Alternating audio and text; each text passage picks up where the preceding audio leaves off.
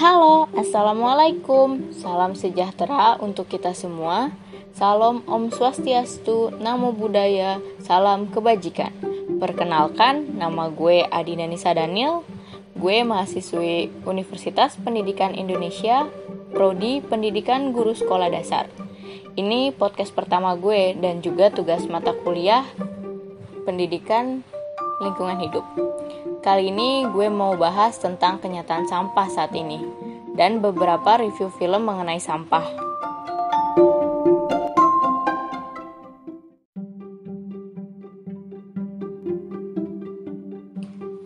Guys, pertama-tama gue mau nanya nih sama kalian, apa sih yang terlintas di otak kalian dengan kata sampah? Pasti barang-barang bekas, barang-barang tidak terpakai, kotor, bau, menjijikan, kumuh, ya kan?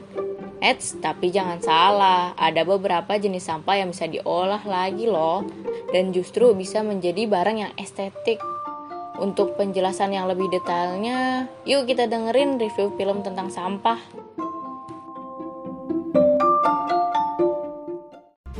Untuk film yang pertama yang gue review berjudul Urban Series, hashtag nyampah, produksi Greenpeace Indonesia dan dipandu oleh Gustika Yusuf.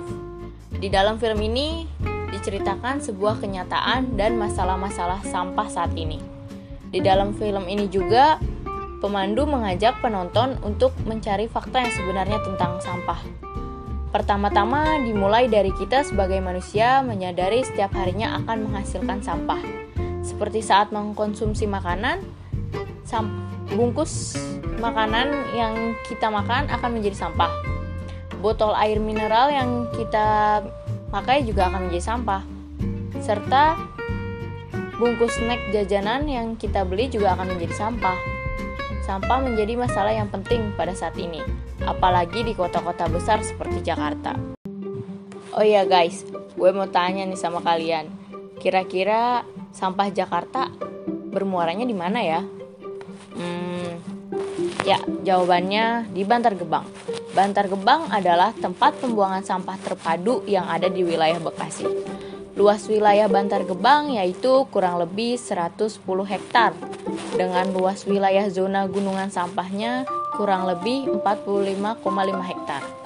Dan yang perlu kalian ketahui, warga Jakarta setiap harinya menyumbang sampah 6.000 sampai 7.000 ton per hari setara dengan tinggi Candi Borobudur dalam dua hari.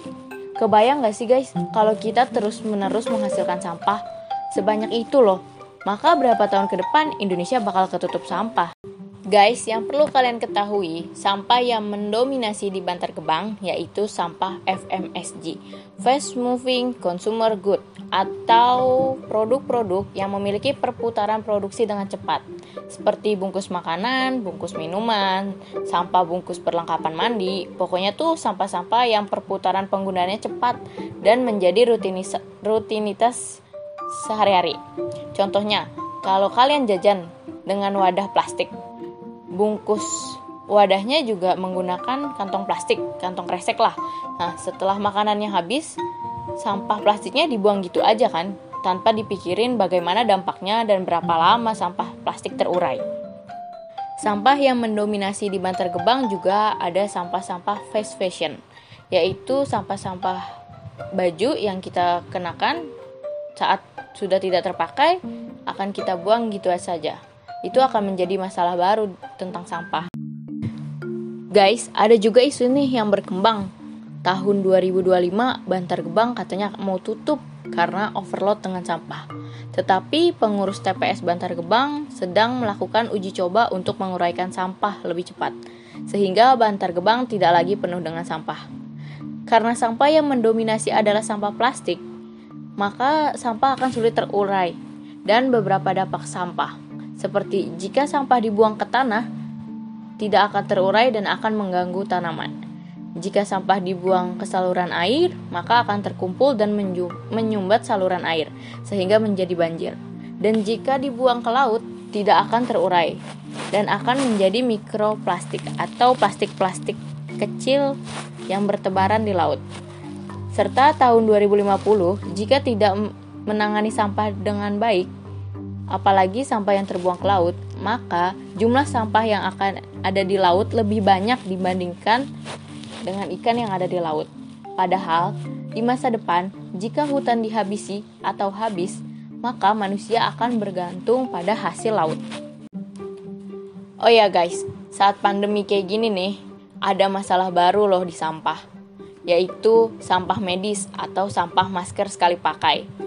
Menurut Dinas Lingkungan Hidup DKI Jakarta, dari bulan Maret hingga bulan November 2020, ada sebanyak 800 kg sampah masker sekali pakai. Wow, jumlah yang banyak bukan? Dan menjadi masalah baru. Untuk itu, gue ngimbau lo semua, teman-teman gue, untuk menggunakan masker kain atau masker yang dapat dicuci. Dengan kita lakuin itu, kita bisa turut andil untuk mengurangi sampah di luar sana. Tahu gak sih guys, sebenarnya nih pengelolaan sampah sudah mempunyai peraturan perundang-undangannya loh, yaitu nomor 18 tahun 2008 tentang pengelolaan sampah. Di dalam pasal tersebut disebutkan bahwa pemerintah pusat hingga pemerintah kota dan setiap orang harus ikut bertanggung jawab dalam pengelolaan sampah. Jadi, kita sebagai individu harus turut andil dalam pengelolaan sampah Nah, kita bisa melakukan dengan cara reuse atau penggunaan ulang dengan cara menggunakan tas belanja dibandingkan dengan kantong plastik, menggunakan tumbler minuman dibandingin botol mineral sekali pakai. Dan selanjutnya kita bisa melakukan hal reduce atau pengurangan penggunaan yaitu dengan menggunakan sapu tangan dibandingkan tisu dan mengganti gelas plastik dengan gelas keramik. Yang selanjutnya kita juga bisa melakukan recycle atau mendaur ulang, yaitu seperti wadah dari kaleng atau plastik sisa bungkus makanan bisa digunakan kembali menjadi tempat pensil, pot bunga, atau tempat-tempat yang bisa menyimpan barang-barang yang masih terpakai. Serta sampah organik seperti makanan basah, snack, buah, daun kering itu juga bisa menjadi kompos. Nah, perubahan gaya hidup bukanlah hal yang mustahil.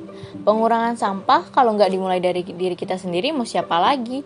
Bahkan di negara Amerika dan Belanda pun, produsen bertanggung jawab dengan produknya, yaitu menarik kemasan produknya dengan memberikan mesin pengumpul sampah plastik dan kaleng yang ditukar nanti dengan voucher atau uang.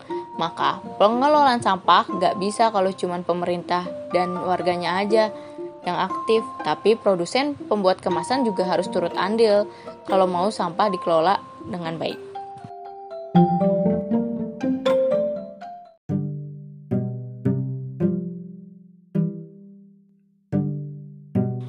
Nah, sekarang kita masuk review film yang kedua, yaitu itu dengan judul Plant Obsolescence Why Things Don't Last yang artinya keusangan terencana mengapa hal-hal tidak bertahan lama. Karya Europe Parliament. Jadi dalam film kedua ini menceritakan bagaimana keadaan sampah elektronik. Karena di dunia kita sudah dimudahkan dengan banyaknya robot pembantu pekerjaan manusia, seperti mesin cuci, setrika, kipas angin, HP, TV, dan lain-lain, itu semua akan menjadi sampah jika sudah rusak dan tidak terpakai. Dan yang perlu kalian ketahui, terurainya sampah elektronik butuh waktu yang sangat lama, hingga puluhan atau ratusan tahun. Terus, bagaimana keadaan dunia jika setiap tahunnya banyak orang yang mengganti barang-barang elektroniknya dengan yang baru hanya sekedar mengikuti tren? Lantas, itu semua akan menjadi sampah elektronik, bukan? Maka dari itu, negara Finland, Belanda, dan Jerman mengkampanyekan untuk memperbaiki produk yang rusak dibandingkan membeli yang baru. Hal tersebut adalah upaya menekan sampah elektronik di negaranya. Pesan yang ingin gue sampaikan dalam film kedua ini, kita sebagai manusia harus memprioritaskan kebutuhan kita Jangan hanya sekedar mengikuti tren dan juga saat punya barang yang rusak, kita tidak asal buang. Jika masih dapat diperbaiki, perbaiki dahulu karena dapat dipergunakan lagi. Hal tersebut adalah bentuk pengurangan kita dalam menghasilkan sampah sekaligus memperkecil biaya yang kita keluarkan juga.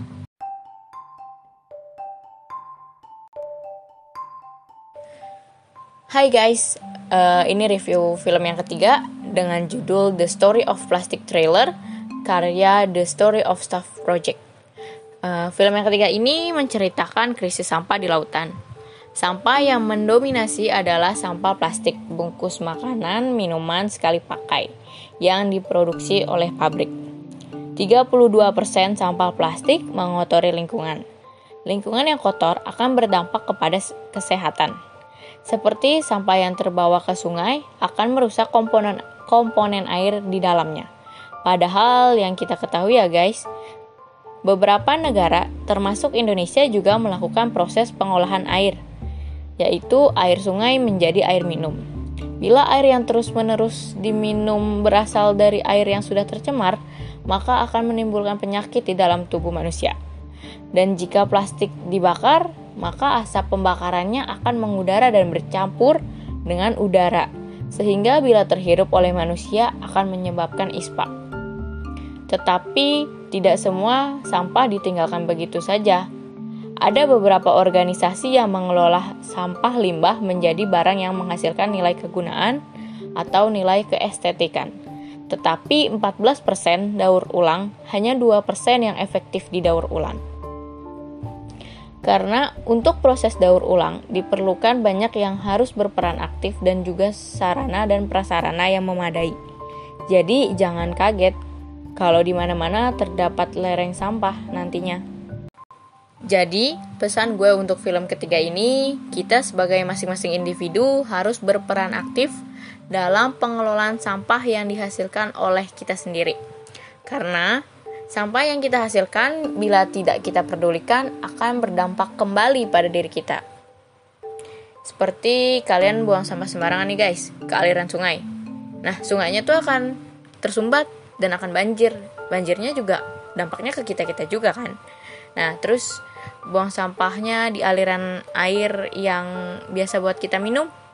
Nah, berarti kan airnya itu akan terkontaminasi dengan sampah dan akan tercemar nanti airnya akan diminum sama kita itu bakalan jadi penyakit juga kan. Nah jadi diri sendiri harus peduli sama lingkungan dan peduli sama sampah yang dihasilkan oleh kita setiap harinya.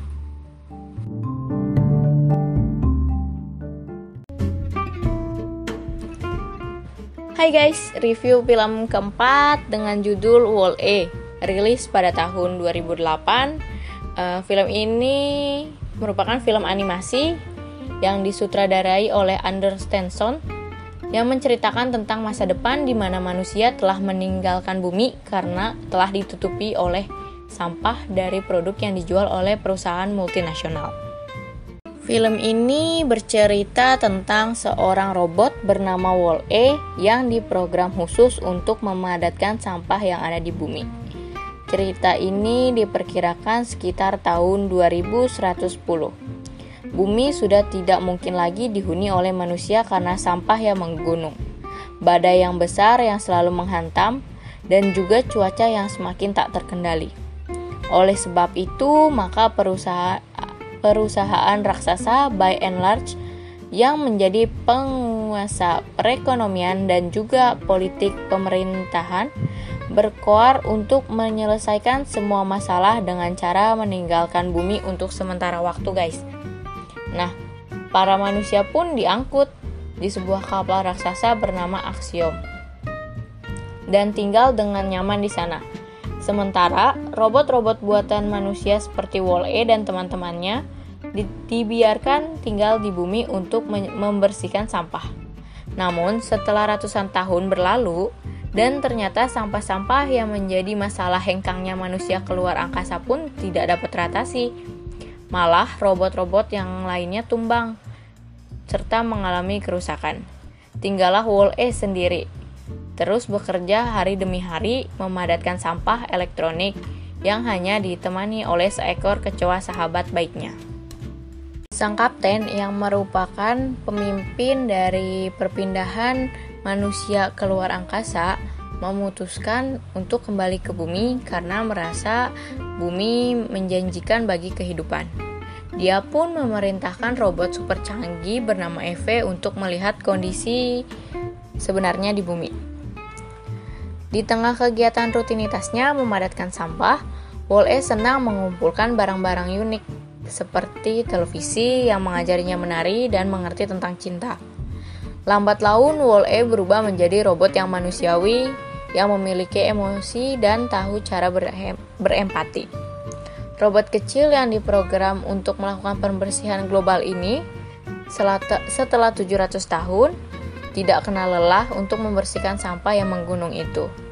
Wall-E juga tidak pernah mengeluh dan merasa kesepian.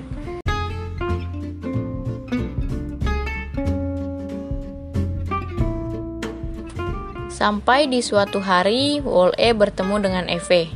Eve adalah robot cantik yang dikirim untuk mencari informasi informasi apakah bumi sudah siap dihuni lagi.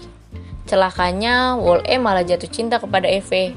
Selama Eve berada di bumi, Wall-E berusaha untuk melindungi Eve. Wall-E bahkan menunjukkan lokasi di mana ada tumbuhan yang tumbuh. Eve yang berpegang pada tugasnya yang diembannya kemudian menghubungi pembuatnya. Wall-E memberikan Eve tanaman yang membuat Eve mengalami mode tidur. Beberapa waktu kemudian, sebuah pesawat datang menjemput Eve Wall-E yang sudah terlanjur cinta kepada Eve kemudian ikut menyusup ke pesawat yang seharusnya hanya membawa Eve. Namun, di sana Eve dan Wall-E harus menghadapi komputer autopilot yang ingin menyingkirkan keduanya dan melawan agenda rekolonisasi. Pesawat itu kemudian membawa Eve dan Wall-E ke sebuah ruang angkasa yang besar yang berisi keturunan manusia yang telah meninggalkan bumi. Ternyata ratusan tahun hidup di kapal luar, angkasa yang serba modern fasilitasnya membuat manusia lupa diri. Dengan segala peralatan yang serba digital dan memanjakan, manusia bahkan lupa bagaimana cara berjalan. Tubuh-tubuh mereka semakin mengembung dan tidak sehat. Tak ada lagi pekerjaan yang dapat dilakukan karena semua serba otomatis. Jadi, kerja manusia hanyalah sebatas makan dan istirahat. Setelah tanaman yang dibawa EV dimasukkan ke dalam mesin pengatur yang ada di Axiom, pesawat tersebut membawa seisi penumpangnya kembali ke bumi. Setelah mendaratnya mereka di bumi, mereka menemukan bahwa bumi sudah dapat ditempati kembali dan sudah banyak pepohonan yang tumbuh di bumi. Kesimpulan dari film keempat yaitu film Wall-E adalah jika sekarang sampah tidak tertangani dengan baik, tidak menutup kemungkinan di masa depan bumi akan dipenuhi oleh sampah yang menyebabkan manusia harus hengkang dari bumi. Dan di sisi lain, pesan dari film Wall-E adalah jika manusia terlalu nyaman dengan kecanggihan robot sekarang, tidak menutup kemungkinan manusia akan bergantung pada robot yang mengakibatkan badan yang semakin membesar, kaki yang tidak dapat digunakan untuk berjalan, serta lupa bagaimana aktivitas yang menggunakan fisik. Sekian review film dari saya, kurang lebihnya mohon maaf. Sampai bertemu di podcast selanjutnya. Wassalamualaikum warahmatullahi wabarakatuh.